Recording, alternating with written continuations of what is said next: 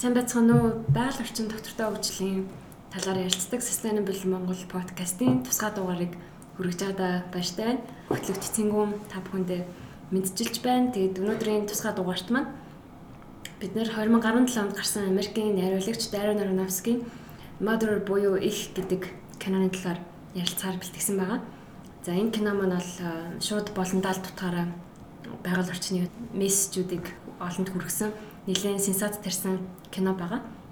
За өнөөдрийн манай дугаарт болохоор хамгийн олон зочинтой дугаар болж байгаа. Тэгээд өнөөдөр бидэнтэй хамт жаргалт төгөлдөр ундрах гурав хамт энэ киноны талаар ярилцсанаа. Тэгэхээр зочд маань өөрсдийгөө тавчхан танилцуулна уу? За жаргалтаас эхэлье. Сайн байна уу? Наа жаргалт гэдэг аа би эмч мэрэгч, хүний эмч мэрэгчлээ. Тэгээ ер нь кино илүү их сонирхож үздэг. Өөрийнхөө сонирхлоор кино үздэг. Тэгээд кино клуб гэдэг тийм клубтэй тэрүүгээр кино олон хүмүүст одоо үзэж үзүүлж толилуулаад тэгээд киноныхаа тухай ярилцдаг. Тэгээд илүү одоо кино талаас нь энэ моторыг энэ подкастн дээр ярилцахаар ирсэн байгаа. За баярлалаа. Аа сайн байцгаана намайг ундрах гэдэг. Санхүүгийн шинжээчээр ажилладаг. Тэгээд киноны хувьд гэх юм бол а одоо бусад гурван оролцож байгаа хүмүүсээс арай илүү кино талаас бага мэддэг та. Гэхдээ кинон дуртай. а Dreamers Day дээр байн очдог. Тэгээд энэ киног цэнгүүний санал болгосноор үзээд тэгээд оролцож байгаа. За сайн бацхан уу намайг төгөлдөр гэдэг. Саяхан би их сургуулаа герман хэл шинжилээр төгссөн. Одоогоор орчуулагчаар ажиллаж байгаа. Тэгээд киног бол ерөнхийдөө багаасаа их сонирхож үзэж исэн. Ялангуяа тийм аимшигын болон триллер кинонуудыг гослоо үздэг байсан. Тэгээд ерөнхийдөө бол бас байгаль орчинд байгаль орчны асуудлуудад бас сонирхолтой. Тэгээд модер гэдэг кино болохоор ерөнхийдөө байгаль орчны асуудлуудын гаргаж ирсэн тэр гол санаанууд нь их сонирхолтой татж байгаа. За яриаг эхлэхийн өмнө би товчхон оршил тавья. Тэгэд э, сонсогчд маань гайхаж байгаа яагаад одоо байгаль орчин доктортой хөгжил ярьдаг подкаст маань гинт нэг киног ингэж онцлоод ярьж байгаа вэ гэд гайхаж байгаа. Гэхдээ түрүү миний дурдсанчлан энэ кино мань бол одоо тийм албачны мессеж хүргэж юм аа. Тэгээд бас э, сонсогчдоо хэлэхэд энэ киног үзээгүй байгаа бол та энэ дугаар дугаарыг бас сонсвол ингээд кинон талаар зарим мэдээллийг урьдчилаад авчих учраас үзснийхээ дараа подкастыг сонсвол танд илүү тохиромжтой бах. Тэгээд энэ кино маань 2017 оны 9 сарын 5-нд э, Венецийн кино наадам дээр шилдэг одоо шагналын төлөө өрсөлдөхөөр анх нээлттэй хийгээд тэгээ өөр их орон болох 9 сарын 9 сарын 15-нд Америкт гараад хамгийн анх гараад за үүний дараа нэг худалгүй 2008 оны 1 сарын 6-нд Алтай салбаанаас зохион байгуулдаг Dreamers Day буюу мөрөө төвчдийн өдөр кино өдөрлөгөөр гарсан байгаа. Тэгээд э, тэгж гарахад бол Dreamers-ийн ердийн үзэгчдийн тоноос бол маш их үзэгч цугласан. Одоо танхим дөрөв хүмүүс үзсэн байгаа. Тэгээд Dreamers дээр яг энэ киног үзсэн төгөлдөр маань бас өөрийнхөө туршлагыг хуваалцах. Тэгээд миний хувьд болохоор өөрөө Univision-ы промо суугаар бас үзчихсэн. Жаргал таана үзсэн байх. Би бас Innovation-аар хатсан. Тийм үү. Ундрах гэртээ үзсэн. За тэгвэл төгөлдрөөс эхлэмээр энэ төгөлдөр яаж явж байгаа Dreams-ээр үтцсэн бэ? Dreams-ээр яг киног үзэнгүүд кинон дондор чанд төрсэн бодол болон үзсний дараа бас ингээд кино өөрт чи яаж нөлөөлсөн бэ? Тэгээд тэр талаар ер нь анх яг модерн талаар нэг мэдээлэл байгаагүй. Яг ингээд нэг удаа зүгээр ганц анхны гарсан трейлер үзчихсэн поструудыг харж ирсэн. Тэгтээ яг нэг сонирхож бол ерөөсөн ингэж үзэн үзэх юмсан гэсэн хэтэл ерөөсө төрж байгаагүй. Тэгээд э, хагас өдөр яг Dreamers-ээр гарч ийна гэхээр нь очиод ерөнхийдөө Dreamers-ээр би анх удаа очиж очиж үзэж байгаа нь тэр байсан л та хүмүүс маш их цуглалцсан. Тэгээ зарим нь бүр судалдахгүй ингээ юун дээр шалан дээр ингээ сууц үзчихсэн. Тэгээд анх бол би ерөнхийдөө жоохон триллер маягийн кино байна гэж ойлгож ирсэн боловч яг үндсэндээ бол шал өөр psychological маягийн кино болж таарсан. Тэгээд яг төрсэн сэтгэлийн хувьд ер нь бол яг хүлээж хүлээжсэн тэр нөө төсөөлтөөс бол хамаагүй давж гарсан тий. Ингээ гарч ирж байгаа үдсний дараа ингээ хүмүүсийн царайнд нь тэр царайны хувирлж гэдэг юм тийм бодол болсон тийм амар өнөхөд бол хүчтэй кино бол гэж санагдсан. Төгөлдөр бас найзтайгаа хамт үзсэн тий. Тэгээ найз нь бүр дундуур нь үзэж чадахгүй аюу хэцээсэн гэж гарч ирсэн тийм. Тэгээ ерөнхийдөө зарим хүний хувьд бол энэ бол дэндүү нөө график нь болж мэдээж ойлгомжтой тийм байсан. Тэгээд нөгөө яг нээлттэй хийжсэн өдөр нь үзэгчдийн тал нь нөгөө бүү гэж хэлээд гарч ирж исэн бол талны кино дуусны дараа ингээ өөр зүрх сэтгэлээс алгаад ашиг үлдсэн ч гэдэм үү тий. Ихэдөө кино шүүмжлэгч нарын хувьас ч гэсэн амар сайн эерэг үн шүүмжлэл авсан ч гэсэн үзэгчдийн хувьд бол энэ зарим талаараа дэндүү экстрим тий бас зарим талаараа дэндүү нэг шашныг гаргасан гэдэг утгаараа хүмүүс жоохон дөрвөөдсөн. За жаргалтын үед яг кино талаас нь найруулагч тэгээд ямар хүмүүсийн мэддэг сайн жүжигчин тоглосон. Тэгээд киноны ерөнхий үйл явдлыг зүгээр хурангуулад тэгээд эндээс яагаад дараа нь бид нар бас өөрчлөлт яагч бодож байна. Тэгээд жаргалт маань нөгөө кино клубын одоо админуудын нэг одоо гол одоо хөтөлж авч явдаг хүмүүсийн нэг зөндөө олон кино үзүр зохион байгуулжсэн. Тэгээд тэр үднээс кино талаас нь илүү сайрна. За ямар ч гэсэн эхлэхдээ үзээд яг ямар сэтгэл төлснөөс эхлээд ярив те.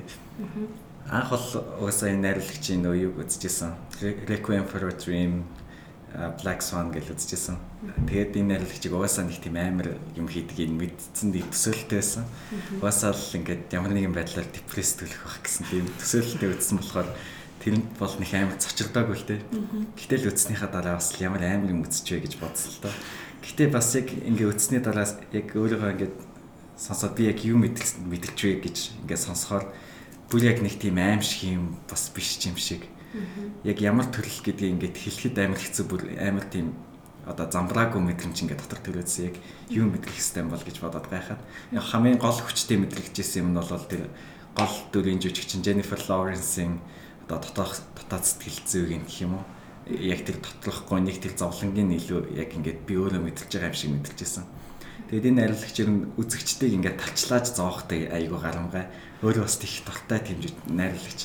Тэгээд жишээлбэл Black Swan дээр одоо ямар нэг мэдгэдэггүй зүгээр л хомсон хомсных нь айлсан ингээд сүрцэн бах тэрийг ингээд хоолонгот ингээд хороогаар нь ингээд альсаа татал явцдаг ч юм уу. Тэр бол нэг амар утгагүй зүгээр л үзэгчдийг ингээд алмайруулах гэсэн тийм хэсэг мэсэг айгүй их байдаг. Одоо Mother кинон дээр явах юм бол эхнээс ингээл гэлт нь баахан хүмүүс орж ичээл амар сонио ажиллахаар ингээл үдж байгаа хүмүүс яг өөрийнх нь гэлт хүн ороод ирсэн юм шиг тийм сэтгэл төрөл өмнөөс нь ингээл бухимдал эхэлдэг энэ ямар мангар хүүхэн бэ ч юм уу тэгж бодоод тэгж бодогдуулахаар айгүй мундаг яг тэрийг зохион байгуулж хийсэн санагдсан. Тэгээ найрлагч ч гэсэн өөрөө ярьж исэн л та ингээд зарим хэсгүүд дээр ингээд одоо тиймэрхүү юмнуудыг ингээ үзэгчдийг тийм алмайлуулах төрлийн юм хийж явах үед бүр амар хөвгчлөлтэй байсан гэдэг өөрөө ярьж байгаа. Жишээлбэл тэр нэг одоо угаалт орон гэж суучаад нэг хоёр хүн ингээл үслээл эн чин зүгээр л дээ гэл үслээлэдэг тэрийг бол хийж явах үед найрлагч өөрөө амар гай тэрнээсээ бараг таашаал авсан. Тэгснэ дондор нөө паблишер нь хин Кристен Уиг гэж үжигчин байдаг. Имхтэй сүлд орж ирэл тэгснэ сүултээ гинт нөө цэргийн юу хорондоо морондоо алдсан ч юм уу яваалаа гэж шүү дээ. Бүр тэр бас хүмүүсийг зохион байгуулж болоо. Хүн алж малаа л тийм. Тэгсэн чинь өөрөө болохоор найрлагч нь хэлэхдээ болохоор зүгээр л нэг амар замбраагүй амар юм болж ч гинт амар олонний танил царай амар тийм царайлаг эмхтэй жүжигчин гараад ирэхээр үзэгчд гинт энэ энэ эмхтэй бас энд юу хийж байгаа юм бэ гэж бодогдуулахаар тэгжсэн тэр амар гой таньдаг царайлаг эмхтэй гарч ирсэн амар сэн сэн юм хийгээд хал зөв үзэгчдийг тийм алмаалах байдлаар албаар тэлж жүжигчнийг сонгосон гэж хэлжсэн. Тэгээд яг киноны хувьд хийцийн хувьд ярихад бол а жүжигчд мэдээж бүр үнэхээр гарамгай жүжиглсэн. Jennifer Lawrence-ыг би эзэж тийж мундаг жүжиглэн гэж би бодож байгаагүй юм. Jennifer Lawrence ч бас өөрөө ерөөсөө сургууль сураагүй өөрөө жүжиглэлтээ сурсан хүн юм билээ. Тэгээ өмнөх кинонуудаас нь автаа юу гэдүүлээ дидакт шиг өөртөө юм зачдаг хүмүүс ихчтэй. Тийм тэгээд өмнө нь ерөөсөө ийм төрлийн кино тоглож байгаагүй. Тэгэл Darren Aronofsky зүгээр одоо энэ жүжигч ингээд одоо тоглох боломжтой available байна гэхээр нь очиад ямар ч гэсэн уншуулад ингээ скриптээ уншуулад ярилцаад үтсэн. Тэгсэн чинь нөгөө жүжигчин маань өөрийгөө ингээ сольж үзмээр санагдаад өөртөө ингээ одоо ил гаргаагүй гэхдээ дотроо нуугдсан байдаг юм а зүгээр ингээ ил гаргамаа санагдаад өөрийгөө улам нэмэл санагдаад туршаад үзье гэж үтсэн. Тэгсэн чинь баг өмнөх кинонуудаас илүү мундаг болсон. Тэгэд миний хувьд бол яг Jennifer Lawrence-ийн царай маранд яг тэр зураг авалт бүгдээрээ бүр яг гоё тохиолдсон. Айгуу гоё санагдсан. Би жагалт гэсэн би Jennifer Lawrence-ийн царайд болтгүй жижиглэг болчихсон. Тэгээд зураг авалтын хувьд дандаа айгуу close up байдлаар дандаа ойлгохноос асан. Jennifer Lawrence гэсэн өөрөө хэлчихсэн. Зураг авалтын турш байнга амар том камер яг нүүрний хоорд ингээл хэлчихэд хахад амар хэцүү байсан гэдэг. Тэгээ 3 сарын турш рехерсал одоо бэлдэж хийсэн. Тэгж явах хугацаанд аваа нэг юм тэрэндээ дасаад тэгжсэн. Тэгээд зураг авалтын үед надад айгүй мундаг тэр хөдөлгөөнүүд айгүй мундаг санагдсан. Бараг гар дээрх камер гэсэн мэтлээ ингээд хөдөлж байгаа нь айгүй зөөлхөн тэгээд яг ингээл жүжигчтэй дагаал явдаг яг жүжигчтэй бүр яг ойлгох нь хിവэр нь нүрийн тулсан хിവэр ингээл яг дагаал яваад идэг. Тэгэхээр тэр жүжигчнийхаа дотоод сэтгэл зүгээ нь илүү яг тод гаргаж өгч байгаа юм шиг санагдсан. Энэ зураглаач бас нөгөө өмнө нь юун дээр ажилласан байсан баха Black Swan дээр. Тэгээ Black Swan дээр дөнгөж эхлэхэд нэг юм юу бүжиглж байгаа нэг хэсэг дөнгөж эхлэхдээ гарч кино эхлэхдээ тэр хэсгийн зураг авалт тэр айгүй мундаг санагддаг. Аа тэгээ тэр сэтгэл зүг яг илэрхийлэх гэдэг тал дээр нь бас нэг юм болтоход энэ кино ямар ч хөгжимгүй нэр тийм үү. Тийм. Тэгээд тэгсэн мэтлээ сүулт нь credits дээр нь хөгжмийн ингээд одоо зөвлөх гэхээр Йохан Йохансон гэдэг хөгжмийн захиалж ажилласан гэд бичсэн байдаг. Тэгсэн чинь өөрөө ягаад юу найруулагч нь ярихдаа болохоор үгүй найруулагчаас нэг тийм сурвалжлагч ярилцлага авч байгаа юм л да. Та ингээд амар мундаг юм Йохан Йохансон гэдэг хөгжмийн зохиолчтой амар мундаг ажилласнаа кино ч ганц ч дууг бахын та ч одоо ямар вэждэ хүн бэ гэдээ асуусан. Тэгсэн чинь а нөгөө нь өөрөө тайлбарлахдаа хинтэн бит хоёр бүр ингээд дуу хөгжмөө бүр зохиогоод бэлэн болгоод гаргацсан айгүй мундаг гоё хөгжмийн зохиол гаргасан. Тэг ингээд кинонд хийгээд үтсэн чинь надад нэг л биш санагдаад байсан. Тэгсэн чинь Йохан Йохансон өөрөө надад хэлсэн. Чиний кинонд ингээд хөгжим оруулчаар хэвийн ит хөгжим чинь ингээд одоо киноныхын эмоцийг бүр улам ингээд одоо дэмжиж өгдөг болол чиний кинод хийхээр эсэргээрээ хүмүүсийг сатааруулад гол тэр хүмүүс жүжиг жүжигчний үзүүлж байгаа сэтгэл зүгээс сатааруулад өөрөмрөө авчичаад илүү ингээд зөөлчөөд байна. Тийм болохоор чиний кинонд хөгжимгүй байсан дээр юм байна гэж хэлээд тэгээ ямар ч хөгжимгүй байсан юм бэлээ. Тэгээд яг нь найрлагч хэлэхдээ тэр амар мундаг хөгжим зохиосон болохоор тэрийг дараа нь өөр зохиолдоо хэрэглэх байх гэж ярьжсэн даанч энэ хөгжмийн зохиолч маань төлөвжил нас болчих шиг болсон. Сая Оскар дээр нөгөө юу байдаг штэ. Нас болсон хүмүүсийн нэр гардаг. Тэгэхэд энэ Йохан Йохансон гэдээ болж ирсэн. За ундрахыг би үзэсээр хагаад үзүүлсэн. Тэгээд ундрахад би ихтэй яг ингээд даал орчинтой холбоотой кино гэж хэллээ ялаа. Хийсэн хэлсэн уу яна. Тэгэхээр бас нэг спойлер болсон юм. Трейлерыг нь үзчихээд угаасаа ямар ч байгаль орчинтой холбоотой кино гэж үгүйсэ бодогдоогүй. Тэгээд юу нь бол миний үзэхгүй төрлийн кино гэдэг спойлер хийсэн байхгүй. Тэгээд дараа нь байгаль орчинтой холбоотой кино гэхээр тайлбарыг хэлээд уншсан бүртэсгүй. Тэгээд ингээд нэг заа заа. Гэтэ юм тэгж үзсэн дээр юм билий. Тэр тэггүй ингээд анханасаа ямар утгатай одоо эн чинь нэг юу юу юу илэрхийлж байгаа гэдгийг ингээд ерөөхдөө өөрсдөө киногоо релиз ихээс өмнө ярьсан юм шиг байлаа шүү дээ тий. Тэгээд тэгж үзэхгүй байх юм бол шууд ингээ яхнасаа бараг киноныхоо туршаад ингээд гайхсараа дуусгар юм шиг байгаа байхгүй.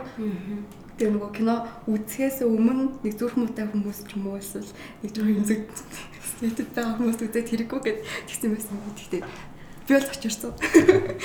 Тэгээд яхаа ингээд бүр детальчлаад одоо бүх юм нь юу юу илэрхийлж байгаа биш. Гэхдээ яг нөгөө Jennifer Lawrence солонготой байгальдлыг тий илэрхийлж байгаа. Тэнгүүтээ ингээд а тэрийг л мэдчихэж байгаа байхгүй. Ямар ч гэсэн ингээд өөр өөртөө хин байшин нэг ингээд гой гардаг штэ. Нэг ногоон талтад тэрийг нь болонгота Garden of Eden ингээд. Тэгээд тэрийг нь уншичаад үтсэн чинь болонгот арай илүү ингээд энэ нь ингэж байгаа болов ингэж байгаа болов гэд арай өөрөөр харж байгаа байхгүй би тэгээд найзтайгаа үзчихсэн чинь ингээд бүр ямар сонин кино вэ гэд тэгээд ерөөсөө ингээд ям тийм мэдээллийг нь юурээс авахгүй ихнээс үүсэх юм бол бас хүмүүс нэлээ ингээд сэтгэл санаа нь жоохон сонирн болох юм шиг санагдсан. Тэгвэл тэр киноны үйл явдлыг нэг тавчхан яаж хүн тэгвэл бид нар дараа нөгөө энэ яг энийг л хэлж чамаа гээрээ тахад хэрэгтэй байна. Киноны үйл явдлын хувьд бол ерөнхийдөө бол эхэндээ одоо Jennifer Lawrence тоглосон дүр одоо Mother тий. Хоёулаа нэргүй тий энэ хоёр хоёулаа нэргүй. Дандаа хим хэм гэдэг. Тэгээд амар хардар зүйлээс ирдэг. Тэр нь болохоор ингээд тийм бахан галсан дунд ингээд зогсоод уйлж байгаагаар тэгээд сэрээд ингээд амар гоё тийм жоохон засвар хийгдэж байгаа тийм байшингаар яваад эхэлдэг. Тэгээд киноны ихэнх хэсэг дээр болохоор яг модер маань болохоор нөхрөөсөө залуухан тийм ихнэр ээж эхнэрийн дүр харин биш юмсан болоо гэлтэй. Харин ихэндээ болохоор одоо хийм буюу тэр одоо эрэгтэй болохоор ерөнхийдөө бол яруу найрагч. Тэгээ ингээд амар их бүтээл гаргаад амар алдартай ч гэсэн одоо ингээд бүтээл гаргахтаа чадахгүй. Гацсан ба. Зохиогч тийм блок гэдэг writer block гэдэг ингээд зогссон ерөөсөө бас зэрэг сэтгэл хөдлөлд орцсон байгаагаар харагддаг. Тэгээд төд удалгүйнийг аа эрэхтэй хурж ирдэг. Тэр маань болохоор одоо библийн хувьд бол нөгөө Адамыг илэрхийлж байгаа өөрийгөө имчгээд тэгээ Адамыг илэрхийлж байгаа нэг зүйл нэг юу гэхээр хавирган гинцсэн гэд хэлж явж идэг. Удалгүй бас ихнэр нь хурж ирдэг те. Тэгээд яг нөгөө гэрт байсан тэр тайван хойлохнаа байсан бас нэг жоохон тийм жожигдөө амьдралын ингээд өөр хүмүүс орж ирээд бүснүүлж байгаа харагддаг. Тэгээ удалгүй өглөхгүй зоч. өглөхгүй зоч тийм. Тэгээд одоо гэр бүл тухайн гэр бүлийн өөрсдөө болохоор маш тийм бас замбраагүй те. Одоо гэрийнхний гэрийн эсний одоо өгөнд ордгоо те ингээл гэршин татдаг. Нөхөр нь ингээд амар биен муу гэж амар олон тамхи маш ихээр тамхи татдаг. Тэгэнгүүтээ тэрийг хаяа гэсэн ч гэсэн биш зогсдгоо.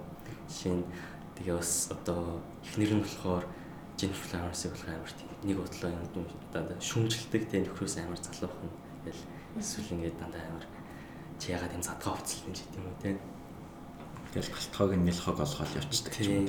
Тийм.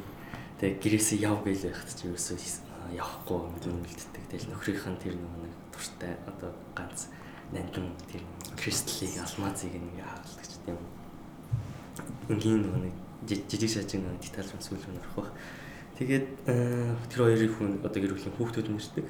Тэр хоёр хүүхд болохоор хэд бол нөхөр нь түүхийн хувьд бол нөхөр нь хүүхж байгаа. Тийм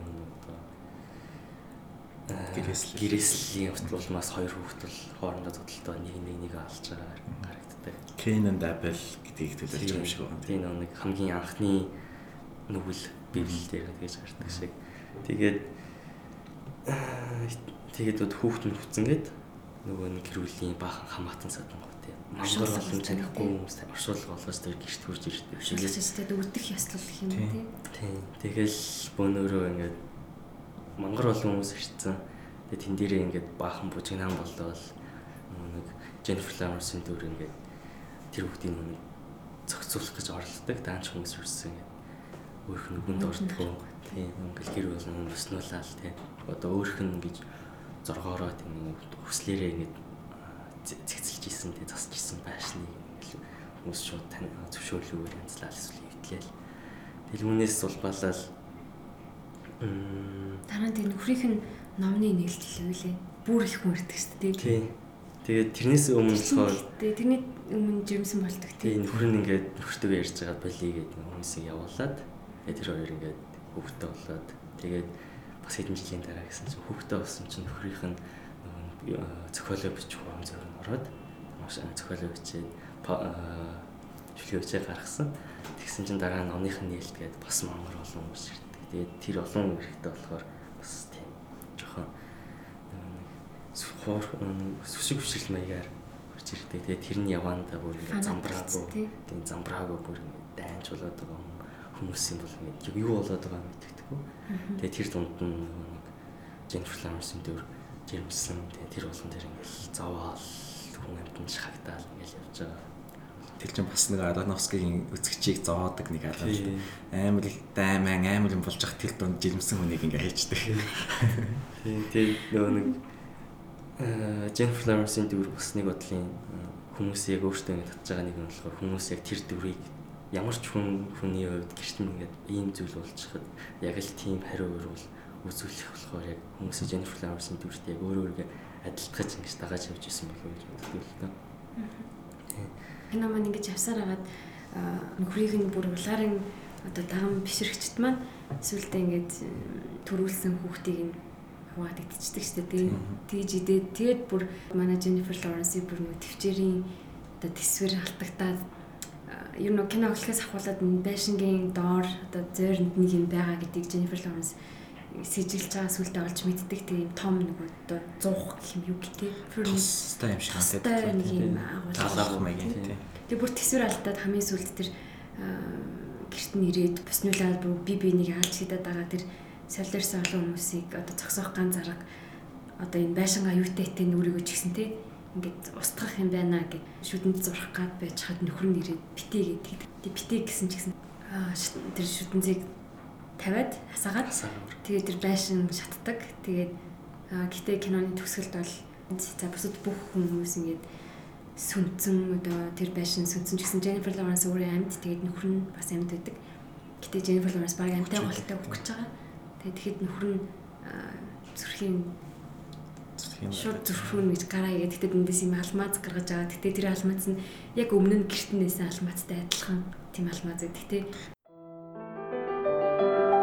Тогтвортой хөгжил, байгаль орчны тухай Sustainable Монгол подкастыг та сонсч байна.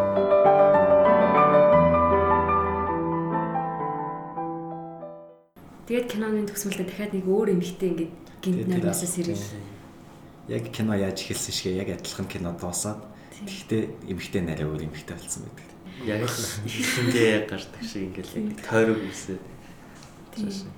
Тэр алмазыг тэгтээ юу юм болоо гэж бодож байсан чинь сая нийт нийтлэн өчтэйсэн баггүй. Тэгээд тэгсэн чинь тэр нөгөө ихнэр нөхөр хоёр дөнгөж ирээд их нөхөр нь болонгод их нэртэй үзүүлж байгаа таагалчтай шүү дээ тий. Тэгсэн чинь тэрийг нөгөө хориотой жимс гээд тэр тэрөө зүрсэлсэн гэдэг тэгсэн гэсэн. Тий нөгөө тэр юу юм болоо гэж бодож байгаа байхгүй. Тий хаглаад тэгээд одоо нэг анхныхаа дөрмийг зөрчиж байгаа ч юм уу тий. Түрүүн биднээс нэлээд дурдлаа энэ кино маань байгаль орчны мессежээс гадна зүгээр хамгийн их ашигладаг символ гэх юм уу тий.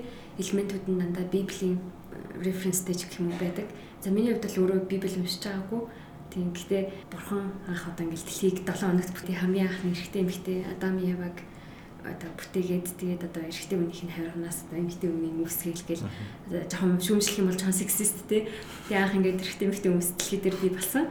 За тэгээд ийм сайн сайхан дэлхийг би болгоцсон байсан ч гэсэн олон зөрчлүүд гараад тэгээд одоо христийн шашны одоо нэг шашныхаа төлөө байлцсан хүмүүсийн түүх байх шүү гэдэг чинь миний одоо ойлголтоор тэгэхээр Дарren Aronofsky өөр Америк хүн энэ хүн маань болохоор 69 онд төрсэн. Тэгэхээр одоо 50 хүрэх гэж байгаа. 49 настай хүн байгаа. Тэгээд энэ хүний яг одоо сурч боловсруулсан сургууль нөх юм бол одоо Харвардын сургуульд сурсан. За Харвардын сургуульд анх эхлэж орохдоо бол яг нийгмийн антрополог болон кино найруулагчаар сурсан. За гэхдээ энэс өмнө болохоор Darren Aronofsky 1985 болон 86 онд одоо Кен улс болон Америкийн Алиас гэд одоо юм биологч мэрэгчлэр юм хээрийн судалгаа хийдэг хүн байсан. Салаад туруутан одоо өнгөлэдсгээ салаад туруутныг бол нэлээд судалдаг. Тэгээд аа тэгээд мэдээж одоо биологч хүн учраас юм гадаа одоо аялах тий одоо зүгээр л өрөвчөө өрөөл одоо Европ ойрхот орнодор одоо аялсан хүн байгаа. Тэгээд тэгээд Дарин Арновский одоо байгаль орчны нэлийн одоо идэвхтэй хүн байгаа. Америкийн Sierra Club гэдэг маш том Америкчин 50 мужтай ч тий бараг мууж болгонд байдаг салбартай тэгээд маш юм талаацтай байгууллагын үйл ажиллагаа явуулдаг одоо foundation foundation-ы болохоор яг одоо тутсан үйлдэл байдаг. За мөн School for Field Studies гэдэг яг тэр өөрийнх нь сурсан одоо хээрийн судалгаа байгууллагын судалгаа хийдэг газрын бас board member-т байдаг. За тийм Америкийн Humane Society болон PETA гэдэг амьтны эрх хамгаалдаг одоо байгууллагуудаас шагналгдчихсэн. За тэг өөрийнх нь өмнөх кино буюу No гэдэг кино бас юм библийн одоо бэлэгдэлтэй Аа тэр кинонд бас мөн байгаль орчны сургаал гэх юм уу одоо хүргэсэн кино байдаг. За тэгээд Sierra Club-ийн одоо бас Sierra Club-тай холбоотой Leonardo DiCaprio-тай хамт Альберта гээд Канадад байдаг одоо Tarzan-ийн ерөө одоо бас аялж явж исэн. За тэгээд Аляскийн тэр одоо туйлын одоо зэрлэг амьтдыг хамгаалах одоо ажилт мөн бусад хүмүүстэй хамтарч оролцож исэн. Тэгээд ийм хүн байгаа За мөн одоо саяхны жишээ дуртах юм бол нэг Парист болсон 16-ны одоо нэг урамсгалын өөрчлөлтийн нүүбийн гэрээ байдаг. Тэр гэрээг гэрээд оролцож байгаа дипломатуудад зориулаад яг урамсгалын өөрчлөлт одоо өөрчлөлтийн талаар ойлголт өгөх тийм одоо олон нийтэд зориулсан нээлттэй тийм инсталляц хийхэд бас мөн одоо тусалж тусалж дэмжиж исэн. За тэг хамгийн сүүлийн киногоор болохоор өөрийнхөө байгаль орчны одоо хүргэе гэсэн мессеж болдог маш хүчтэй хүргэж чадсан байгаа. Тэгэд миний хувьд болохоор New York Times дээр climate change-ийн одоо climate change-тэй холбоотой юм үнэхээр хүчтэй түүх байна гэх. Тэнгүүт нь би уншаад утсан чинь ингээл амар climate тэр мэдээж нийтлэл учраас ингээд ерөөсөө байгаль орчинтай яаж холбогч байгаа бичээгүй. Зүгээр ямар ч climate change-лэр үнэхээр амар хүнийг бүр ингээд байж чадл яажээ гэх. Тэнгүүт нь би анханасаа бас яг ундрахт ундрахт хэлсэн шиг өөр юм ойлголттой үзсэн. Тэг гэртээ ээж автагаа цугцсан Тэгэл анханасаа за энэ яг байгаль инженер юм байна. За энэ эргэтэй нь юу юм бол эргэтэй нь мэдэхгүй сахгүй. Эргэтэй нь одоо хүн төрөлхтнийг бэлэгтэй даа мó юу юм бол гэдэг мэдэхгүй. Тэгээд үзээвчсэн ан сүлд нэг библийн тухай гэдэг санаа за эргэтэй тэгвэл бурхан юм байна те. За тэгвэл бурхан байгаль хоёрын тухай гарч байгаа юм байна. Тэгэл кино үйл явдал өрнөл нэг бүр амар олон хүмүүс гэрт нэрэл бүр ингээл төвчээрийн бараал нэг нэг карантин ингээл нөгөө сууж байгаа карантин дээр сууж байгаа дэлбэлдэг шүү дээ. Тэгэхэд л нөгөө нэг ингээл хам ус мусан цацраал тэгэл ингээл яаж ангууд аа за энэ нөгөө нэг гэрт нь эхлээл нэг хоёр хүн ирсэн гэр бүл болсон. Тэснээс үлдээ номны нээлтгүй бурхан ам хүн ирээд тэгмүүд энэ дэлхийн хүн ам өсөж байгааг бас бэлэгдээд байгаа юм болов тий. Дэлхийн хүн ам өсөн хэрээр одоо эрт дээр үеэс одоо хүмүүс чинь ингээд байгаль орчиндөө зохицоод одоо ингээд байгалийнхаа байгаа нөөцөд тааруулж амьдэрдэг гэсэн бол тэр мод дээр гарт ямар ч нэг хайрлах сэтгэл авахгүй тий Jennifer ч ихлээл ингээл амар хүн болгон тань илтгэр хэлчихсэн сүлдө бүр төвчээр халдан гутаа ямар ч юм агрессив болж эхэлдэг шүү дээ хальтчих шууд бойл гэл тий. Энэ миний өрөө гэл тий. Тэнгүүд ингээд бас яг л одоо адилхан манай дэлхий чинь 4.5 тэрбум жилийн настай одоо энэ цэнхэр нүтэн гараг гэл бид нар ярьдаг. За тэнгүүд яг хүн гэдэг амтан одоо анх ингээд дэлхий дээр маш олон төрлийн хитэн тэрбум зүйлийн амьд организм бий болж исэн бол хүн төрөлхтөн гэдэг нэг за үсрээд хэдхэн сая жилийн түүхтэй амтан одоо ийм байгаль дэлхийн одоо байгалийн нөөц баялаг одоо ер нь дэлхий дээр байдаг олон төрөл зүйлийн амтрыг хамгийн хүчтэйгээр одоо жисүүтгэж байгаа. За тэр утгаараа ч бүр ийм Sixth Extinction гэдэг ном байдаг. Хүний дэлхийн насыг ингээ геологийн цаг хугацаар авч үзэх юм бол одоо хэдэн сая жилийн өмнө ийм ийм юм гэл те тэр бум жилээр ингээл геологийн үед идэх Синозоик гэл тэрэн шиг тэр геологийн үед одоо жишээ нь 65 сая жилийн өмнө ингээд динозавр устж үгүй болсон тий яагаад устж үгүй болсон бэ гэхээр танаа бүр маш том одоо чинь солир дэлхий дээр өндөг ч юм уу эсвэл ингээ маш мөсдлийн үе явагдал дэлхийг бүхэлд нь хамарсан юм айхтар юм болж ижил ингээл амьтад олноор устдаг байсан. Тэгсэн чинь хүн гэдэг амьтан зөвхөн өөртөө бий болоод өөрсдийнх нь нөгөө тоотлоход ч гэсэн амар өсөд одоо энэ жил бол 7 тэрбум 50 гэхэд 10 тэрбум болох байгаа. Тэг хүний хүний тоотлого өсөх тусам биологийн олон төрөл зүйл одоо маш аимшигтай алдагдчихж байгаа. Тэг яг ингээд геологийн цагаар бодоод үзэх юм бол ингээд одоо амьтны тоотлого хүчтэй буурсан үеийг харангуй дандаа л нэг юм гадны нэлийн том дэлхийг хамарсан үйлчлэл байсан чинь анх удаа ингээд six extinction буюу ингээд 5 удаа ингэж амьтны тоотлогоо буурчсан чинь 6 дахь ингээд юу хүн төрөлхнөөс болоод одоо ямар ч тийм гаднаас одоо чинь дэлхий дээр юу болоогүй одоо солиор унаагүй тий өсөлтийн үе болоогүй. Тэгсэн мөртлөө бидний хийж хүмүүсийн хийж байгаа үйл ажиллагаанаас болоод бид нар хүлэмжийг ялгуулад дэлхийг дулааруулад бүр хизээч дэлхийд өр тожид байгаагүй хамгийн их халуун 100 хамгийн их халуун жил болоод рекорд тогтоогоод дээрэс нь амтны тоотлогоо гэд багасаад явж байгаа. За тийм ингээд нэг бусад кино руу орох юм бол Jennifer Lawrence ингээд дэлбэрээд хүн амтын ингээд загнаа сүлтэн нөгөө хүүхдийг нь идчихдэг шүү дээ тий. Идэнгүү цаа чинь ингээд дэлбэрээд бүр нөгөө хүмүүс их чинь ингээд өөрсдөө ингээд алаад алаад байдаг шүү дээ. Би тийм ч яг тэр үед ингээд яг хэр үеийн Jennifer Lawrence байгаль төлөж юм бол байгаль нэрээ чаддаг бол ингээд хэвээр байхгүй яа. Тиймэр тий ч удаад гэхдээ байгаль яг үндэ бол юу ч хийж чадахгүй шүү дээ. Одоо зүгээр л байгаль ингээд дороотоод тэгээд энэс л олон төрлийн амт ургамал хөрч юм. За хүмүүст өөртөө бас хөрч байгаа.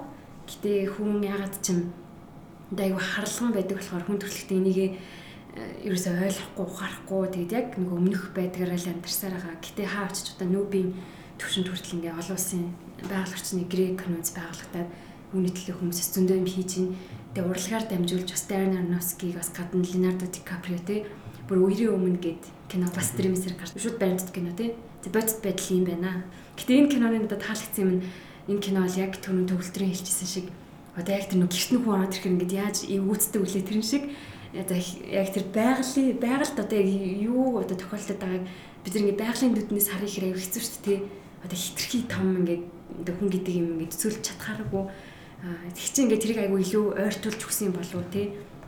Тэг өөрөө ч гэсэн Darren-Aronofsky киноныхоо тал шууд айгүй openly яриад байгаа юм лээ. Бас ингээд байгаль орчны мессеж өгөхөөр зориулсан киногоо ингээд climate change гэлээ. Яхтай би кино анх зүгээр хийх санаагаа олохдоо бол яг байгаль орчин хэрвээ хүн байсан бол юу мэдчих явах байсан бол гэдгийг шууд бодоол.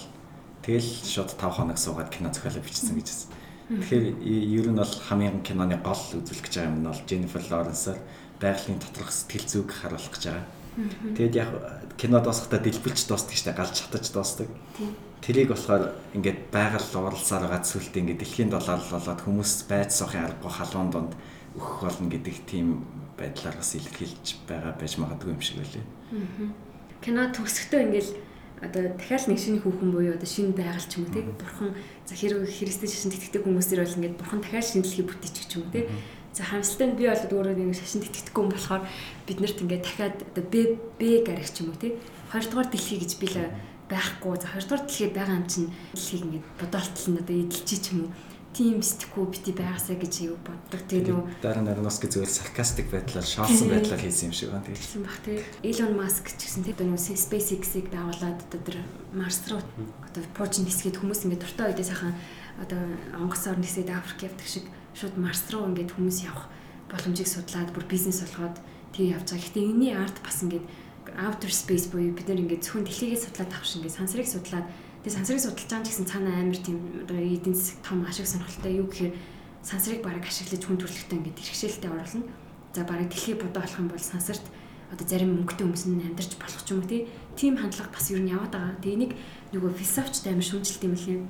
Нас барсан ч гэсэн нэлээд нэр хүндтэй Карл Саген гэдэг космологист одоо орон судлаач хүн гэхэд бас хэлжсэн мөлий бити ингээд яг хөө сансар судлах зүг Гэтэ ингээд бити биднэрт хоёр төрөлхий байгаа гэсэн сэтгэхгүйгээр бид нар бол зөвхөн одоо ганцхан дэлхий гэж бодоол энэ ганцхан дэлхийдээ ингээд тааруулаад бид нар хүн төрөлхтөд өөрийгөө аяга хазаарлаж амьдрах хэвээр гээд тэр нөгөө pale blue planet гэд би тэрийг нэг бүдэгцэн хэрцэг гэд тийм гоё орчуулсан мэт. Тэр шиг л яг бид нар бол ингээд дэлхийд амир өөрөмсөг байвал одоо энэ одоо энэ болоод байгаа энэ бүх зүйл болохгүй байсан баг тэгээд энэ киног гарсан бол миний үед тэгээд амир затансан газар мэдсэн юм шиг л байна. Гэтэ бас ганцхан нөгөө юу хийн байгаль ихийг хайрлах гэдэг юм. Тийм талаар бас бас нөгөө хүмүүсийн нөгөө сэтгэхүйг бас өөрчлөх оролцсон юм шиг санагдсан. Яг ихээр бас нөгөө киног амар олон үзэгч шүмжилсэн гол шалтгаан юу гэхээр шашинтай амар холбосон. Гэхдээ одоо хүмүүс төрөлхтний ингээд үүсэл зарлаас авахуулаад ингээд царшгүй нэг хэсэг байсан зүйл шашин. Тэгээ шашнаас болоод маш олон дайм үхэл тийм ээ. Илэмдүүл төрөл бүрийн зүйл болж исэн. Тэгээ үнэхэд бол яг мухар ингээд ямар ч хэрэггүй юмд итгэж ингэж явснараа хүмүүс ингээд яг тулгарч байгаа асуудал харахгүйгээр бүр улам ингэж унах зүйл рүү өөрсдөө өөрөө өөрсдөө хөтлж явж байгаа юм шиг тийм ээ. Одоо жишээ нь одоо ихтлхийл бүх одоо тэр гэр орон бүх зүйлээр хангаж яхад тийм ээ зөвхөн тэр нэг сургаал хайрсан ч тийм үү тэр кинон дээр гардаг шиг бурхан нэрэл ингэж шүтдэг тийм ээ. Найруул яруу найрагчийг л шүтдэг. Тэгээ яруу найрагчийг ингээд бүр ингээд бурханлаа аваад бүр колт үүссэн тийм хүн амтныг бууд шууд буудаал энэ тайм болвол тийм ихэд бол яг заавал дэлхийгээ хайрлахаас одоо дэлхийг одоо шууд хайрлая гэл ингээ хүмүүс шууд ингээ байгальд ээлтэй зүйл хийе явахгүй хамгийн түрүүнд дэлхийг хүмүүс ингээ сэтгэж байгаа тийм ээ тухайн тэр нэг философиг нь өөрчилж хийж тэгээд одоо байгаа бидний тулгамж байгаа асуудлууд шийдэгдэх Тухай бас нэг юм дээр гарчсан л да. Би саяхан уншсан Cult Vonnegut-ийн Slaughterhouse Five дээр ингээд шашин гэл айгүй олон одоо библийн гот бүр дээрийн тийм бараг түүх байдлаар ингээл гаргацсан байдаг. Тэгэхэд хүмүүсийн гол тэн дээр маргалддаг юм нь юу вэ гэхээр энэ үнэхээр үнэн үнэнгээсээ энэ болсон уу үгүй юу гэдэгтэй л амар маргалддаг. Тэрнээс олж тайм аим болдог. Зарим нь үнэхээр тэрийг бүр хамгаалаад шүтдэг учраас зарим нь болохоор эсэргүүцдэг учраас тайн гаргадаг. Хинч яг тэрний өгөх гэсэн тэр санааг нь юусоо бодохгүйгээр үнэн байсан уу үгүй юу гэдэгтэй л ингэж маргалддаг гэдгийг тэр номд шүмжилсэн бас. Тэр тийм тиймэрхүү санаа аж магадгүй юм байна. Нам гиснээс ундрах бас Sapiens уншиж байгаа гэсэн тийм. Sapiens дээр юу байсан гэлээ. Тэрэн дээр тэр нөгөө хамгийн сүүлийн хүүхдийг идчихсэн шүү дээ тий.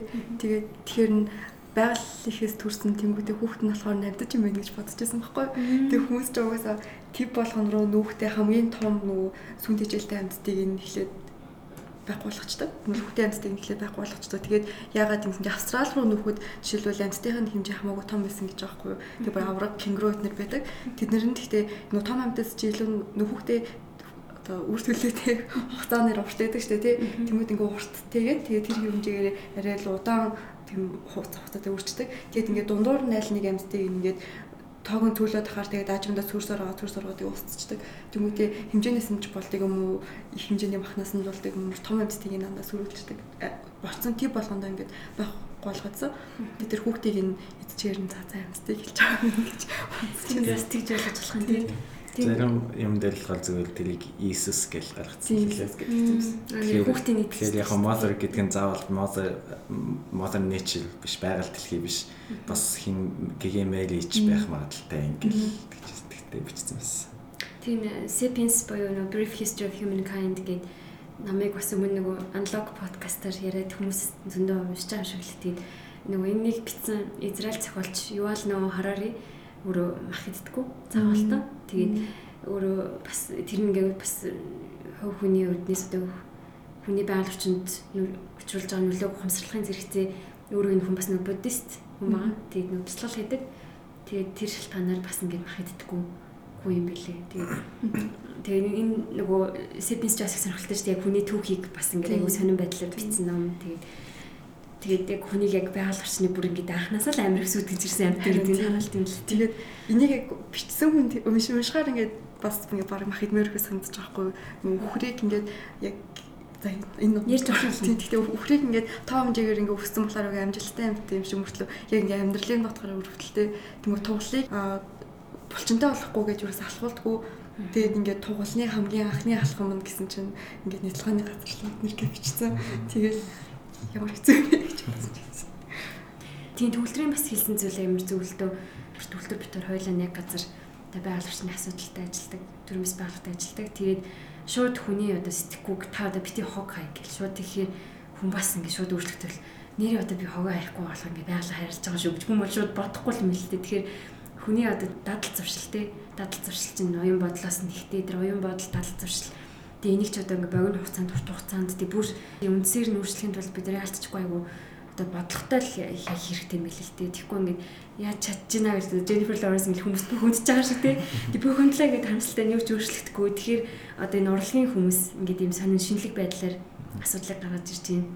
Тэр шиг магадгүй ингээд бизнес мөнгөтэй холбоод ирэхээр үнэхээр ингээд амар ухаан бодолтой ингээд байгалаа хайрлаа гэж бодооч гэсэн одоо өөрийг ингээд татвараар ингээд татвараар ингээд нүүрт нилээ ингээд дарамт өчрүүлээд ч юм уу те. Одоо ингээд байгаль дэлтэйм хийхгүй бол ингээд торгодох ч юм уу. Тэгээ яваад ирэнгүүт аяндаа ингээ хүмүүс дагаад за тэнгуут нь бүр дараа нь тэгээд нилээ ингээ зөв голтролтой орсныхан дараа ингээд исний учир нь одоо ийм учиртай маа ч юм уу тий тэгж явах хэрэгтэй юм шиг байна. Тэгээд тэгээд би бас сайхан нэг сэтгэл судлаач өөрөө сэтгэл судлалаар бакалавра сураад тэгээд бүр мэдрэлийн талаас нь бас сэтгэл судлалыг судалдаг юм мастера хийсэн охинтой ярилцчихсэн чинь намайг чиний яг энэ байгаль орчинд одоо илүү анхаарал тавих тий энэ талаар бүр өөрөө философийн талаас нь хөв хүний хувьд сонирхоод үзчихсэн.